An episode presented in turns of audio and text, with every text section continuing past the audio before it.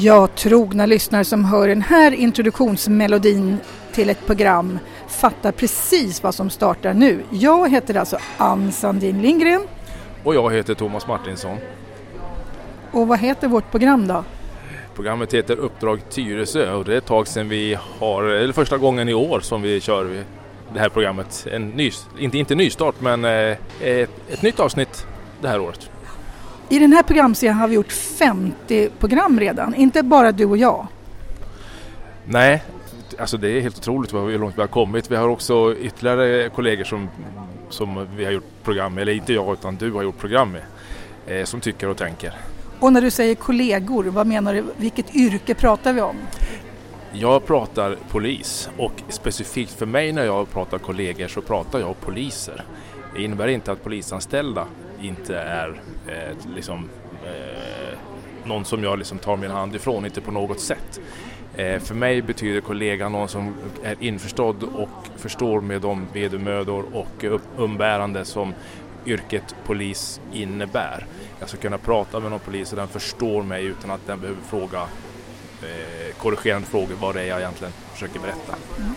Och nu får vi dra det igen för de som inte hört det här programmet förut. Varför varför har du och jag startat den här programserien? Programmet kom till därför att du och jag satt i polisnämnden tillsammans. Inte polisnämnden? Eh, mittåt, eh, socialnämnden. Eh, där vi eh, tyckte att vi skulle försöka få ut den informationen som avhandlades där till, till eh, medborgarna och invånarna här i Tyresö. Mm. Och nu när jag träffar dig sitter vi alltså i Tyresö centrum. Vi sitter inte i vår studio för den är upptagen. Och det är därför ni hör så mycket ljud här. Och jag tittar alltså på en Thomas Martinsson. Du ser lite trött ut. Har du haft en väldigt jobbig jul och nyårshelg? Nej, den, den har varit väldigt, väldigt behaglig och liksom är lugnt och skö, eh, sakta mak. Så det, det, tycker jag väldigt mycket om. Däremot har jag jobbat i natt eh, från 22 till 07 i morse. Sen har jag fått lite sova. Det är lite svårt. Eh, det tar ett tag innan man hunnit varva ner och somnat efter ett nattpass. Så jag har väl i stort sett precis vaknat och tagit mig hit. Kör du radiobil nu Thomas? Ja, det gör jag lite till och från. Eh, jag har inte min grundtjänst eh, på ordningen eller där man kör eh, på ingripande verksamheten som det heter, kallas idag. Jag jobbar med godsspan, spanar efter gods så stuligt och försöker återföra det till de rättmätiga ägarna. Däremot så försöker jag köra ett par, tre gånger i veckan radiobil för att upprätthålla min kompetens. Jag har ändå varit ute och kört i yttre tjänst i runda slänga 20 år.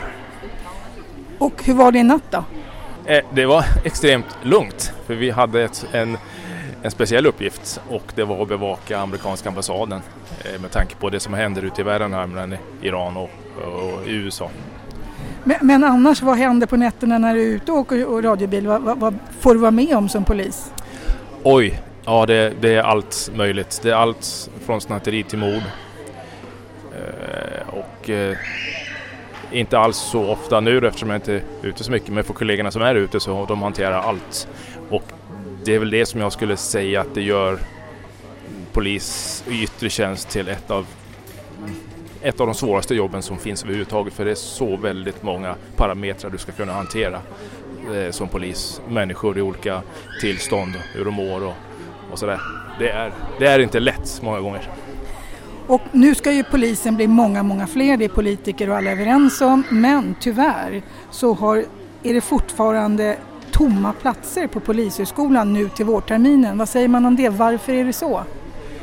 Eh, ja, det där, det där finns nog flera aspekter på skulle jag tro ska jag säga så här, det har ju ändå fått genomslag ska jag säga, media de har skrivit om polisen att man har det, det är dåligt betalt har varit och skrivit om det väldigt mycket, arbetsbelastningen.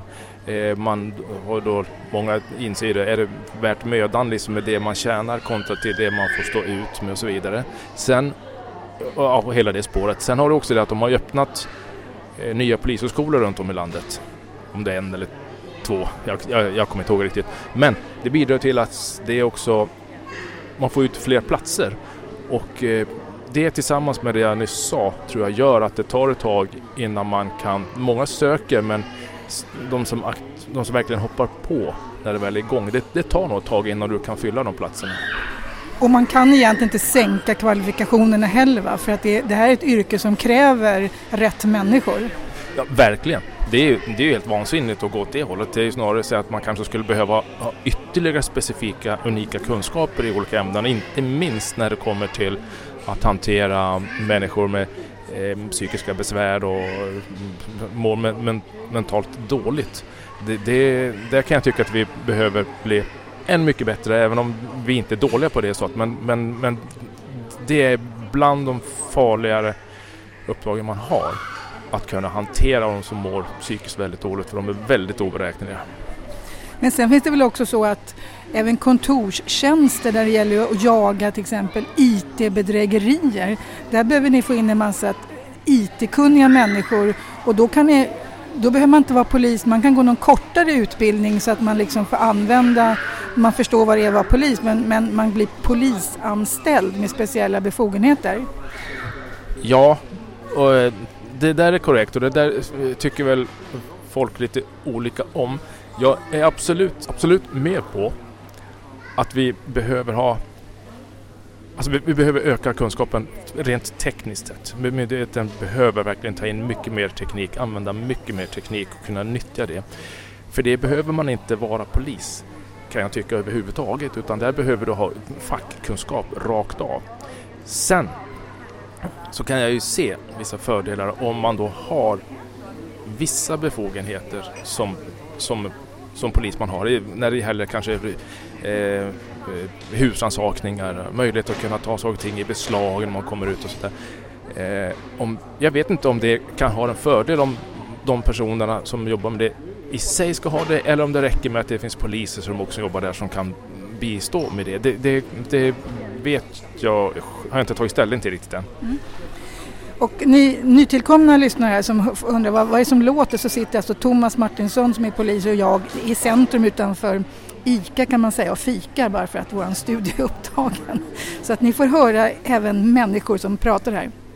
Ja, ja, Thomas, jag brukar följa dig på sociala medier eh, och du är en person som har kraftiga åsikter, eller tydliga åsikter så ska jag säga.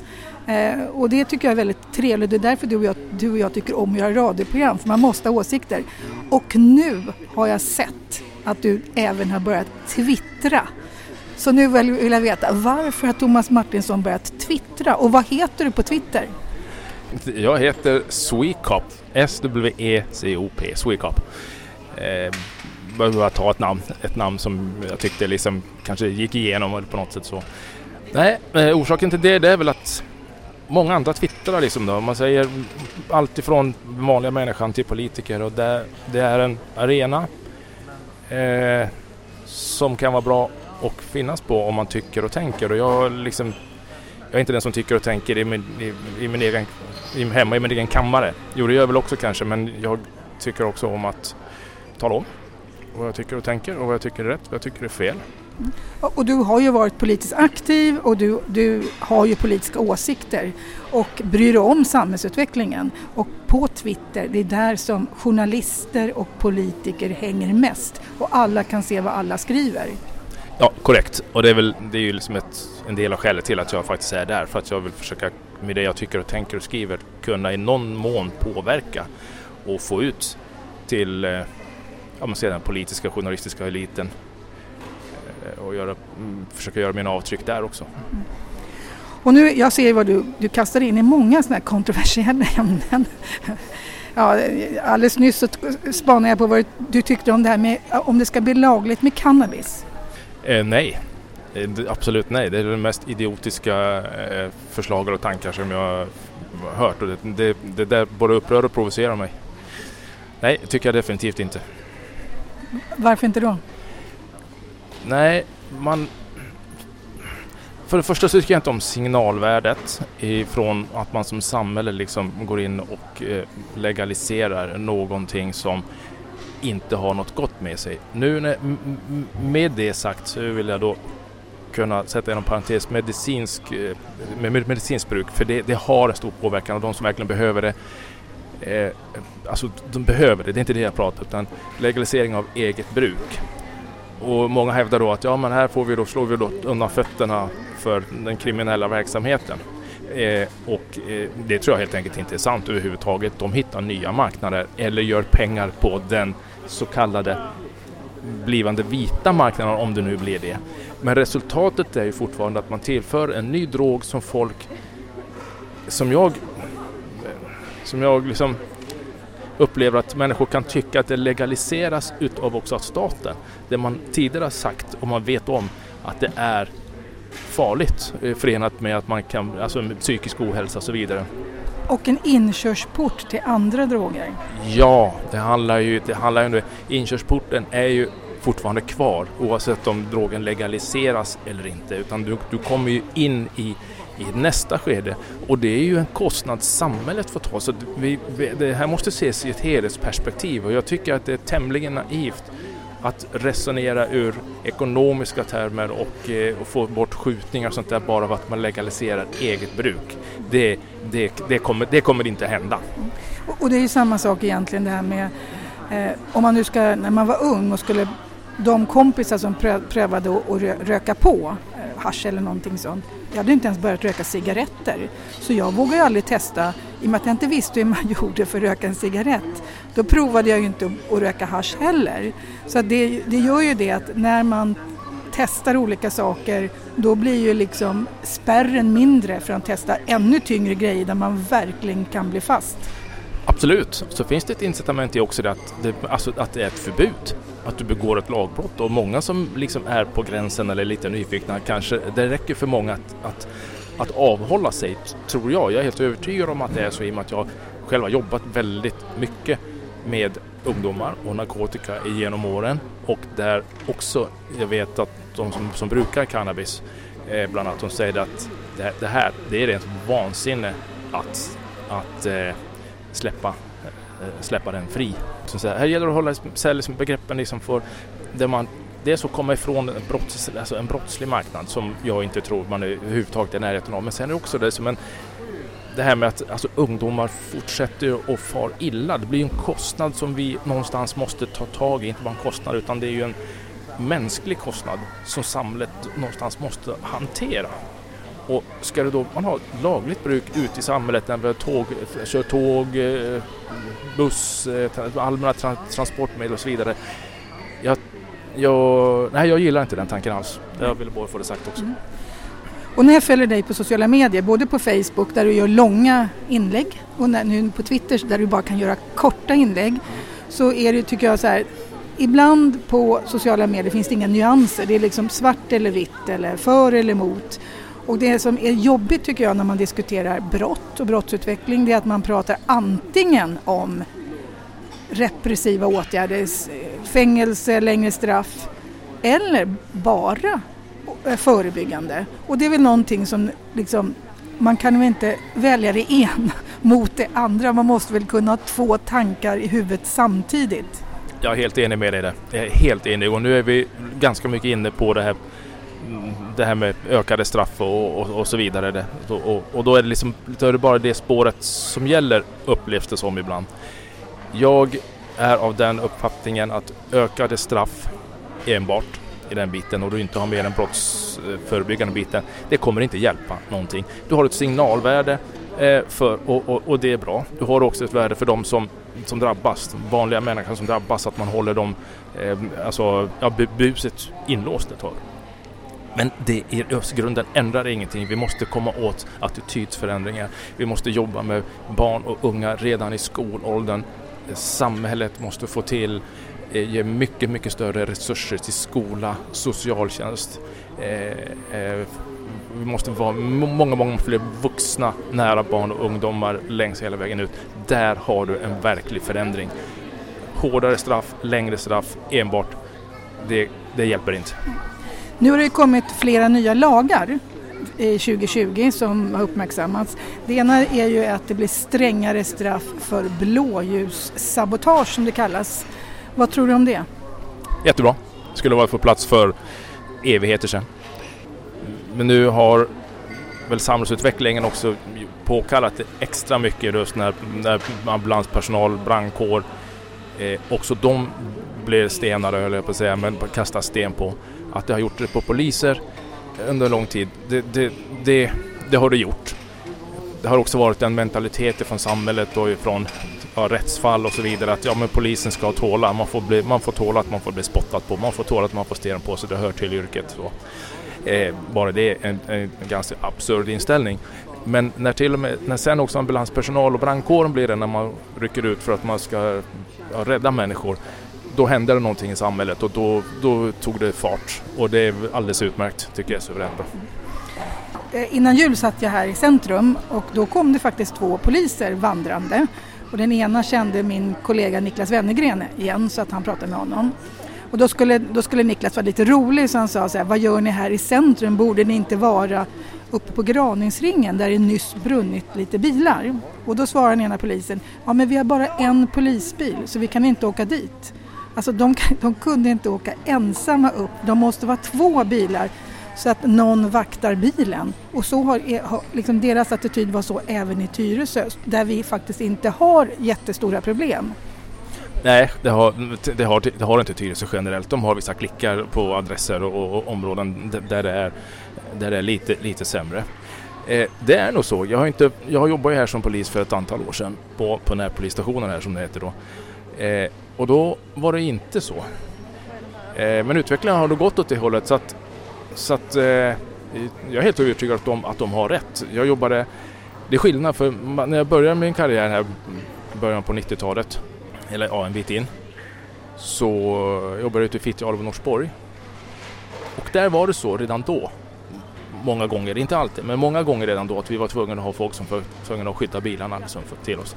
Men att det har kommit hit sen det bekräftar ju bara utvecklingen hur illa det går och jag tror att när man, kastar, har man börjar kasta stenar och bränna bilar i Tensta, Rinkeby, Uppsala och på de här ställena så sprids det här beteendet till andra ungdomar som är kantbollar om jag uttrycker mig så, liksom hänger på, på härskan eller de som redan är kriminella. Och de vill inte vara sämre och då ska man göra det här också. Sen så är det precis som en eldsvåda, den tar sig väldigt fort. Mm. Och, och, det här är, tror jag att alla känner att det här Alltså blåljussabotage som det heter är någonting som alla reagerar på. Nästa vet du, lagskärpning eh, det är att det ska bli strängare straff för mord.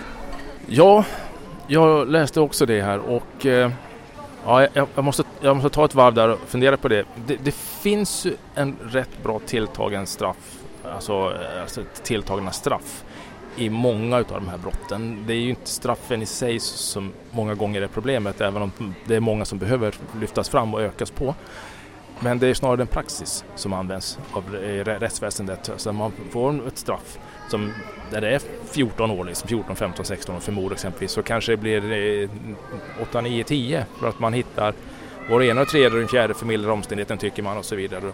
Så att det är väl mycket praxis som man får, som man får alltså bryta. Sen kan det också vara det att jag vet inte om det är så, det här är inte riktigt mitt bord, men det kan vara så att om man då lägger upp det på, på livstid så ger det ytterligare, eh, vad ska man säga, eh, rätts, rättsverktyg. Om, om det är så att man liksom kan liksom, eh, att ett brott inte eh, förfaller liksom efter en viss tid utan det kan fortsätta löpa. Man kan jobba med eh, väldigt många fall under mycket, mycket längre tid. Ja, för det är också någonting som har varit väldigt jobbigt att det är väldigt få mord i de här gäng, eller vad man nu kallar det, kallar de här gängkriminella, vad man kallar det för, de här områdena där ingen hjälp, hjälper polisen att klara upp det. Så det är, det är väldigt få av de här morden med skjutningarna, sprängningarna och allting som klaras upp. Så det är väl också, när man väl hittar någon så är det bra om man kan sätta dit dem. Ja, så är det ju det och det ligger till sakens natur. Det blir bara hårdare och hårdare. I de, inom de här kretsarna så är det, det är lite grann som en diamant. Det är, oerhört, det är oerhört svårt att borra in i det här. Du måste ha en diamantspets för att komma ner. Det finns ju en och annan som plötsligt, de här grovt kriminella som till slut ledsnar och, och, och, och, och eh, Eh, börja prata. Men det är oerhört svårt. Att man har exempelvis för och då det blir exempelvis livstid då har, man ju, då har man ju också vunnit lite tid för att det man kanske inte har idag när det gäller politiska och rättsverktyg eh, kanske man har om några år. Alternativt också att det är ny teknik som bidrar till att man faktiskt kan eh, lösa många fall fem, sex, sju, tio år senare. Och då har inte de här liksom rotten eh, förfallit utan då, då, då, lever de kvar och då kan man fortsätta att göra det. Jag, jag, tror att det finns en hel del i det resonemanget som gör att man lyfter upp och det intressanta är att nu liksom tävlar de flesta politiker om om en säger två år så är en fem år, nästa säger tio år. Man alla, all, tävlar om längre och längre straff. Så att det har ju blivit, från att varit helt annorlunda för några år sedan när du och jag började, mm. så är det ju, jag har aldrig varit med om att de här frågorna är så stora som de är nu. För att när vi började, jag tror vi, du och jag satte igång 2015 med de här programmen, eller 2014, mm. då kändes det som att ingen lyssnade på polisen. Nej, det, det, det, det, har blivit en markant förändring. En markant förändring. Eh, sen så är det också så att eh, den här ändringen som vi var inne på, det har ju också med det, det, det politiska tåget. Politiker, som, om, om en börjar ropa efter vargen i ena hörnet så måste den andra ropa efter vargen i det, i det andra hörnet. Om man nu säger tvärt, i, i sammanhanget kanske tvärtom. Att om inte om inte alla partier är med på det här tåget, de måste skrika efter någonting, så är man inte med alls. Och därför blir det ganska onyanserat många gånger, liksom att man inte träffar, man träffar inte pudens kärna riktigt när det gäller problematik. Inte riktigt så, utan då, då, då blir det att man, den som hörs mest och syns mest får gehör massmedialt liksom, och det är det det handlar om. Det är inte det, är inte det Polismyndigheten behöver. Eh, vi behöver politiker och människor och journalister som har insikt, som, som ser till vad som är ett stort problem. Och det jag ser det som är ett stort problem, det är New Public Management. Eh, det är inte bara ett stort problem inom polisen utan det är ett stort problem ska jag säga, i, i, i många statliga myndigheter där man jagar eh, statistik och återkoppling alldeles för mycket kan jag tycka. Och du förklarar, alltså New Public Management, det är när man börjar använda ungefär som på ett företag, en industri där man mäter allting och så använder man det på människor och mäter ungefär som tid, moderna tidsstudiemän. Man mäter varje moment och man, man, man, man liksom fyller i, man ägnar sig åt statistik, eller hur?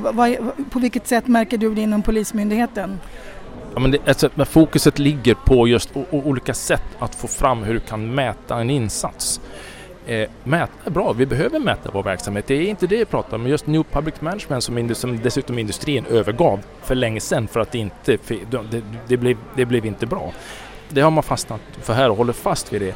Och det, mycket av verksamheten kan du inte mäta. Men ändå så ger man sig på det och ska försöka mäta det och då, då blir det lite absurt. Eh, sättet och när man då får ägna tid extremt mycket, väldigt mycket tid går åt att sammanfatta, föra statistik och föra uppåt så att man ska kunna redovisa framåt. Vi pratar enormt mycket tid för de som har eh, arbetsledande funktioner, yttre, yttre befäl och gruppchefstjänster och sånt där som har att göra det. Det, det, det är enormt tidsödande och då är det också många delar förödande många gånger för verksamheten. Och, och, så tror jag det är väldigt många yrken. Det är samma sak inom sjukvården. Man ägnar sig mer åt att beskriva, dokumentera liksom verkligheten än att jobba med verkligheten. Det, alltså, jag, jag, jag, har pratat med eh, soci, alltså, socionomer som har suttit och jobbat på socialtjänsten. 60 procent av deras tid uh, går åt bara att sitta och dokumentera. Ja, det, där har du ju, där har du liksom ett, ett praktexempel med, med sjuk, sjukvården och läkare och allting som får sitta och administrera och, och mycket, mycket, mycket mer än vad man eh, har eh, tid att ägna sig åt patienter. Och det är precis samma mekanismer, precis samma mekanismer inom, inom Polismyndigheten fast vi har dessutom då extremt lite folk. Och Ja, det, det, det, är ett stort problem i, i, i, i mitt tycke. Däremot inser jag och förstår att vi måste på något sätt kunna mäta vår verksamhet i de delar vi kan göra det på ett bra sätt. Annars så ska vi nog kanske bara hemfalla till känslan av att höra enkäter man skriver, eh, gör och skickar ut till människor så man får en känsla av att det är bättre eller sämre. Vissa gånger så är det helt enkelt bara att man får luta sig mot det. Förra gången Thomas när du och jag skulle träffas innan jul, då satt vi och pratade om massa saker. Egentligen ville du prata om det här med när man anställer personal. Och då hade du retat upp det på, vet jag, att man lägger ner väldigt mycket tid och energi på att anställa kommunikatörer. Och det gör man i stort sett i alla verksamheter. Jag tror att alla journalister nu är arbetslösa så de blir kommunikatörer på olika myndigheter och ägnar sig åt att frisera verkligheten. Ja, det är så det upplevs och det upplever jag också. Om vi har en kommunikationsavdelning på, jag vet inte om det är 110 eller 120 anställda, vi har en HR-avdelning som har, som har svällt ut alldeles, alldeles groteskt ska jag säga. Nu har jag inga fullständiga belägg för liksom, siffror och så vidare men tror första året så, så fick man höra både, både från alltså initierade källor och, och, och, och på annat håll att man har ökat sin, sin ja, personalstyrka med, med 85 procent. Alltså första året sen, sen, sen eh, polis, nya polisorganisationen kom till 15. Men känslan utav det hela det här att man är mer mån om att ha ett ansikte utåt. Eh, friserad verklighet eller inte. Ja, i, många gånger upplevs det så. Jag kan inte säga att det är så, men många gånger upplevs det så därför att man när man varit ute på plats och man vet den andra sidan så lyfts inte den fram, den kommer inte fram. För att man, som jag personligen kan upptäcka, man väljer den information man vill få fram för att, för att det liksom ska verka bra. Och, och liksom det tycker jag också är en, en sjuka överhuvudtaget i samhället idag, att bilden av någonting är viktigare än verkligheten själv. Så att det här med narrativet, man lägger ner massa tid och energi på att beskriva saker, reklamfilmer. Eh, snart sitter väl alla bara twittrar och, och facebookar på arbetstid utan att göra någonting åt saken. Så jag kan ju bli ganska provocerad själv över att man lägger ner så mycket tid på att göra reklam eller liksom, ja, bilden av saker och ting. Mm. Ja precis, och där, där, där, tycker jag vi har ett, ett, problem. Bilden är viktigare än verksamheten och vi, vi kommer liksom inte åt... Eh, när man inte kommer åt att göra ett riktigt bra jobb Polismännen gör väldigt mycket bra jobb och så det, man ska inte skapa den längs med fotknölen. Det, det bedrivs väldigt mycket bra jobb.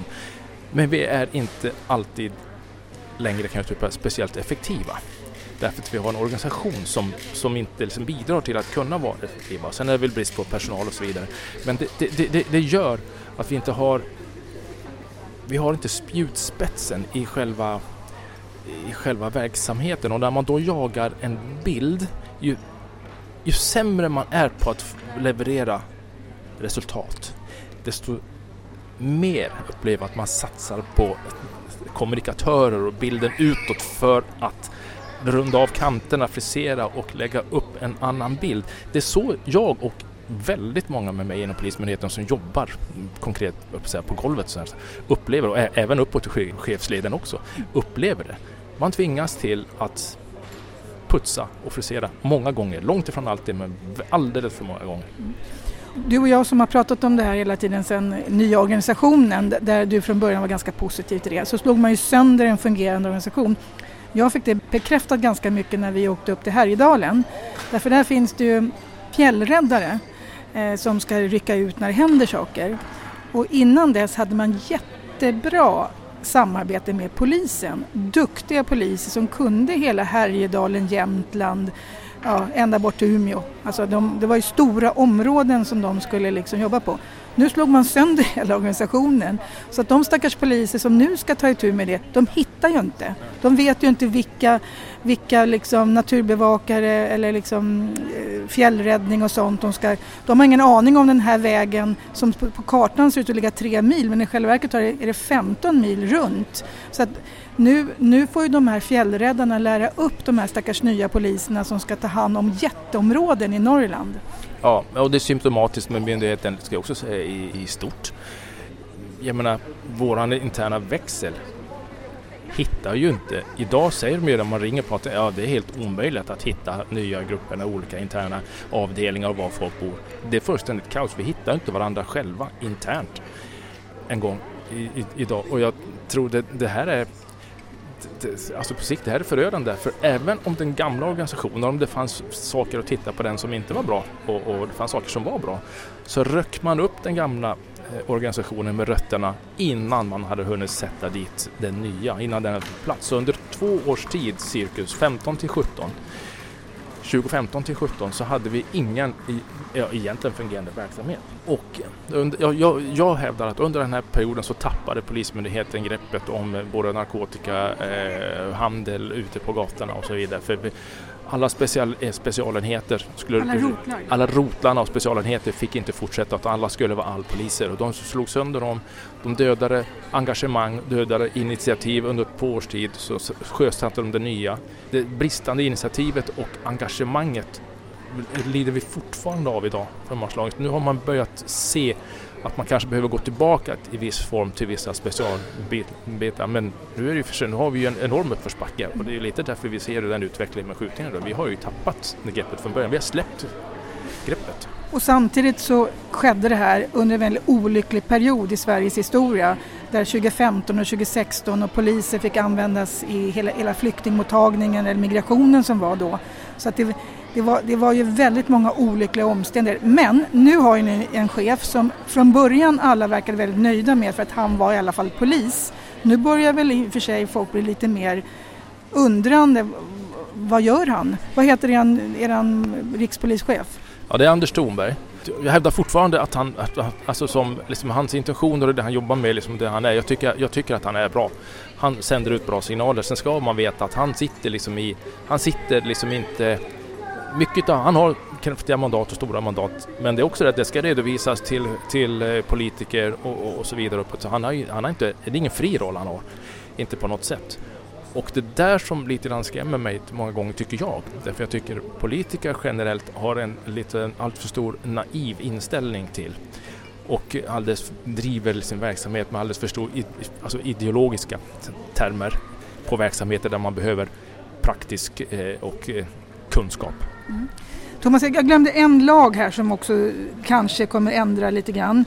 Eh, nu, har, nu, nu, kommer ni få rätt till kamerabevakning utan tillstånd. Alltså både polisen, Säpo, Kustbevakning och Tullverket kommer nu att kunna bedriva kamerabevakning utan tillstånd av Datainspektionen. Vad tror du det kommer innebära, den nya lagen som gäller i år?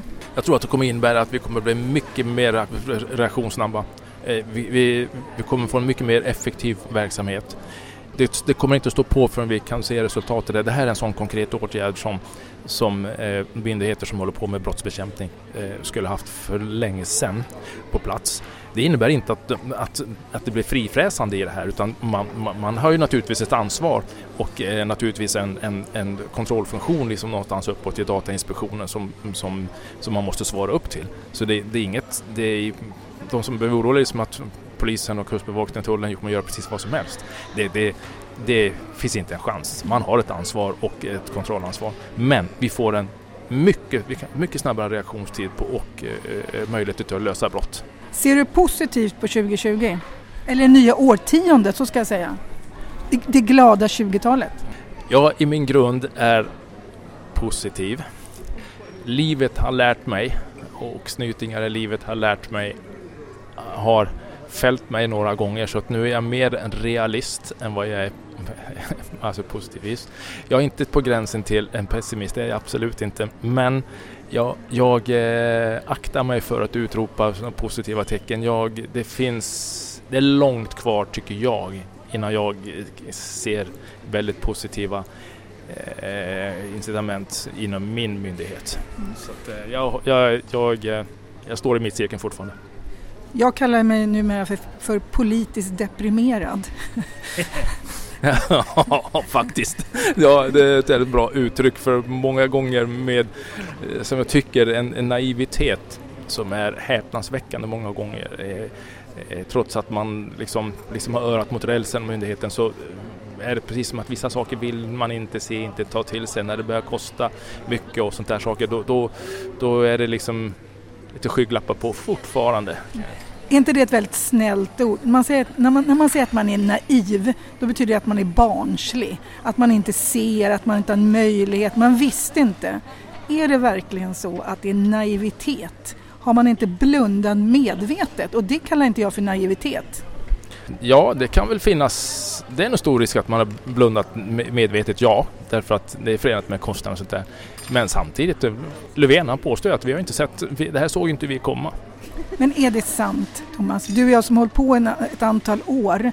När vi började med de här programmen så såg du det komma. Och jag tror att väldigt många inom olika yrken har rapporterat hur läget är. Nej men det är klart att det inte är sant. Han är ju, han, han var ju, alltså han, blir, han är ju pressad.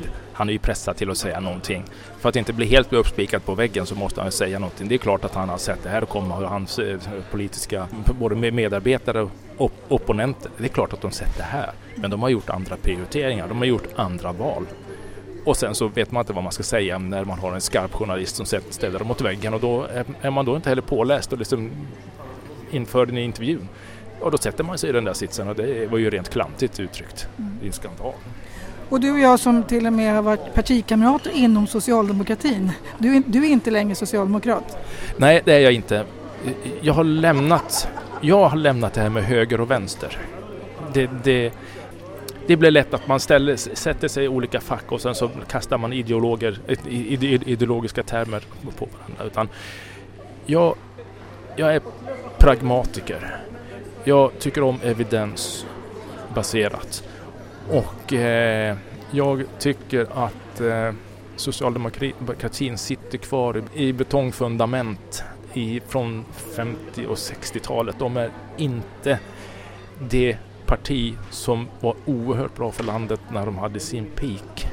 Eh, och jag ser mig jag har fått andra insikter och tycker deras värderingar, grundvärderingar mänskliga, alltså de, de högaktiga, de tycker jag är jätte, jättebra. De står jag fast vid. Jag är fostrad i socialdemokratiskt i en omgivning så. Men eh, tiden har eh, också styrt mig lite åt annat håll.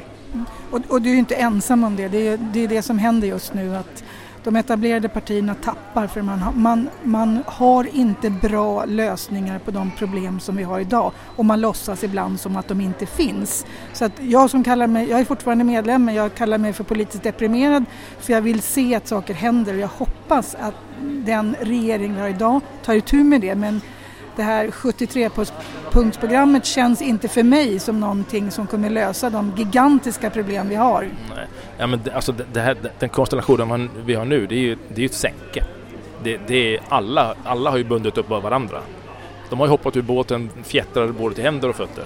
Så är det bara frågan om hur, länge, hur mycket luft de har för att kunna överleva. Det, det, det, det, det, här, det, här, det funkar inte. Mm. Jag, är, jag är precis som du, jag, jag är väldigt besviken och jag är också förbannad över hur etablerade partier inte vågar se verkligheten an, vilka problem vi har, problem med migration, med eh, integration, extrema problem och de har totalt misskött. Det är en katastrof av bibliska mått. Eh, och, och, och, den snabba utvecklingen som går åt fel håll när vi pratar om skjutningar och, och, så vidare. Där vi behöver lagstiftning, vi behöver skarpare lagstiftning, vi behöver mm, möjligheter till att kunna agera på ett helt annat sätt.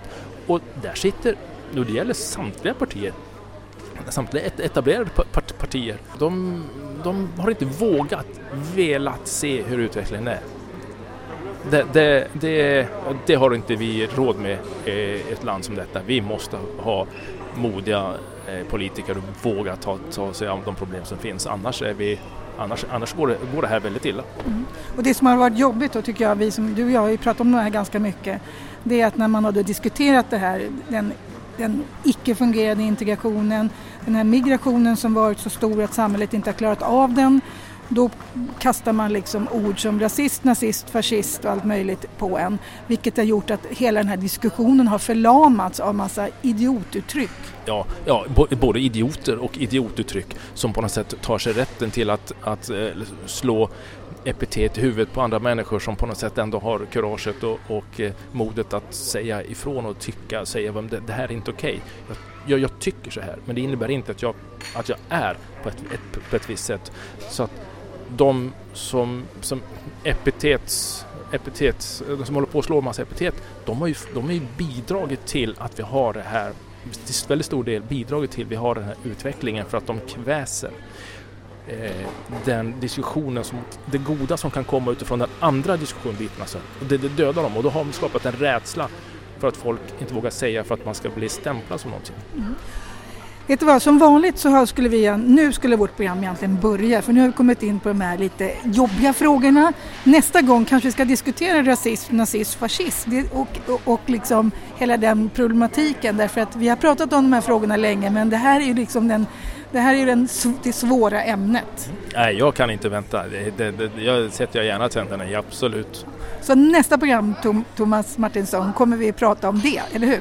Det kan ni hoppa upp och klappa er i enda lyktan på. Tack så hemskt mycket. Vi har alltså suttit i Tyresö centrum utanför ICA och Kappahl och det, och det är därför ni hör massa sål runt omkring. Vad heter den här programserien? Programserien heter Uppdrag Tyresö. Och jag heter Ann Sandin Lindgren. Och ni har också lyssnat på Thomas Martinsson. Och ni har alltså lyssnat på Tyresradion 91,4.